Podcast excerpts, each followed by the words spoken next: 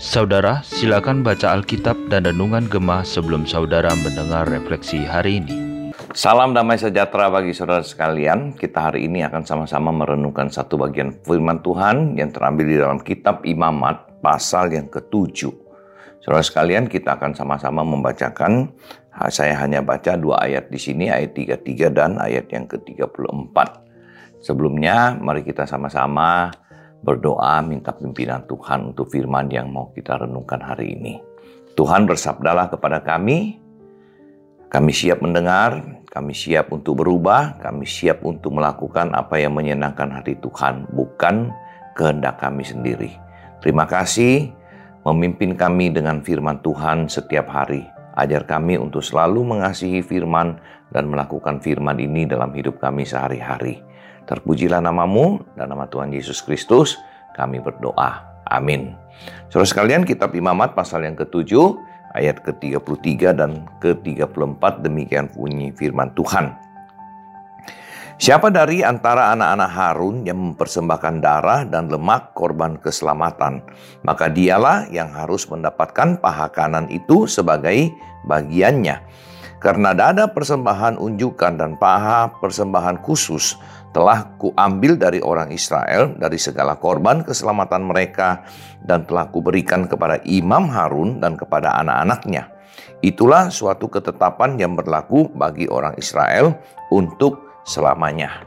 Nah, saudara sekalian, kita melihat dari bagian ini ketika Tuhan memberikan instruksi kepada orang-orang Israel ketika mereka membawa akan persembahan korban yang mereka bawa dan diberikan petunjuk mana yang harus mereka punya, mana yang menjadi milik daripada Tuhan yang dipersembahkan kepada para imam saudara.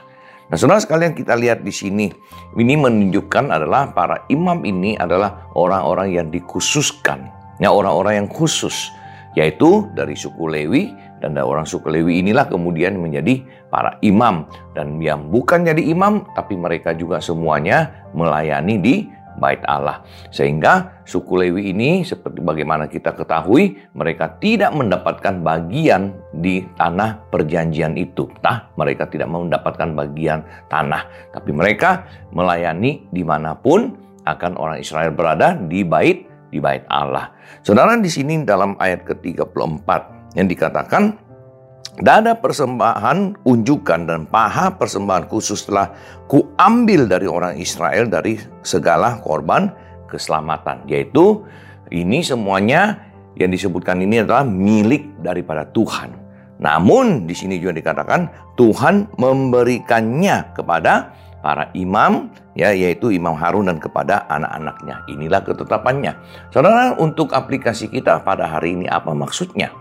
Bagi saya secara pribadi saudara di sini mengatakan bahwa imam yaitu hamba-hamba Tuhan hari ini ya kita itu adalah wakil daripada Tuhan. Kita mendapatkan bagian daripada yang Tuhan berikan kepada kita. Oleh sebab itu, ketika kita melayani Tuhan, kita harus tahu bagian kita itu adalah bagian yang sudah menjadi yang ditentukan oleh Tuhan. Kita melayani Tuhan dengan segenap hati dan kita percaya Tuhan yang akan mencukupkan kebutuhan kita, saudara. Ya kita melayani Tuhan, kita lah hamba Tuhan, kita terpanggil khusus, saudara, ya untuk melayaninya. Oleh sebab itu, kita yang secara full timer, secara full time melayani Tuhan, kita memikirkan perkara-perkara pelayanan-pelayanan di rumah Tuhan dan Tuhan akan mencukupkan kebutuhan kita. Kita mungkin tidak terpanggil Saudara ya, hamba Tuhan itu terpanggil sepenuhnya melayani di gereja kita, tidak mendapatkan bagian dari yang di luar, tapi semua Tuhan cukupkan. Oleh sebab itu, saudara, ketika kita melayani Tuhan, kita harus percaya Tuhan yang akan cukupkan segala kebutuhan kita, bukan mengandalkan manusia. Saudara sering kali ketika kita hidup, kita melayani Tuhan atau bahkan sebagai anak-anak Tuhan pun saudara ya, kita khawatir, kita memikirkan ini, kita memikirkan yang lain, kita memikirkan cara yang salah untuk mendapatkan akan sumber kehidupan. Kita tidak sungguh-sungguh mengandalkan Tuhan.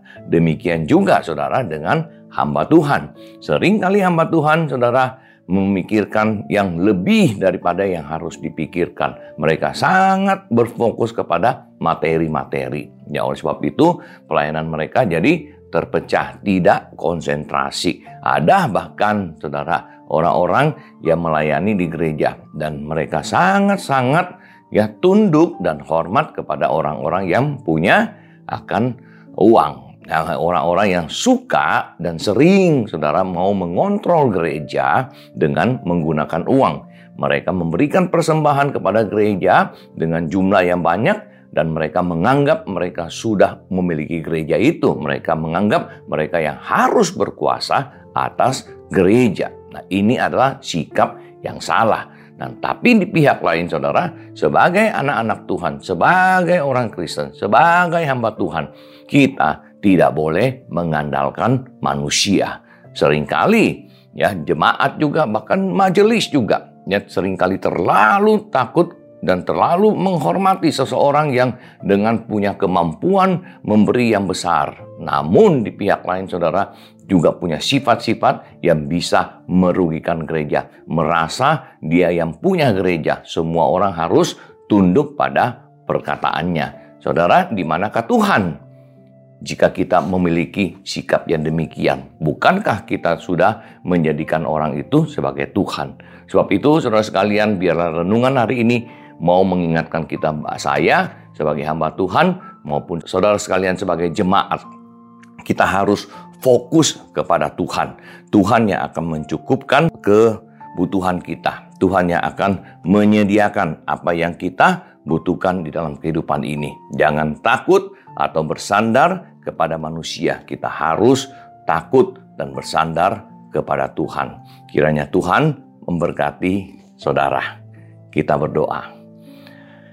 Tuhan ajar kami untuk sungguh-sungguh hanya takut kepada Engkau Allah pencipta langit dan bumi.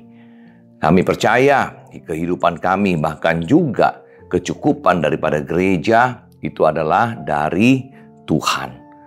Ajar kami untuk tidak takut dan juga mengandalkan manusia. Namun kami tahu bahwa Engkaulah sumber segala berkat. Sebagai anak-anak Tuhan, sebagai hamba-hamba Tuhan, kami percaya Tuhan yang menjaga dan mencukupkan semua kebutuhan hidup kami. Terpujilah namamu, dalam nama Tuhan Yesus Kristus, Tuhan yang kami layani, kami berdoa. Amin. Tuhan memberkati saudara sekalian.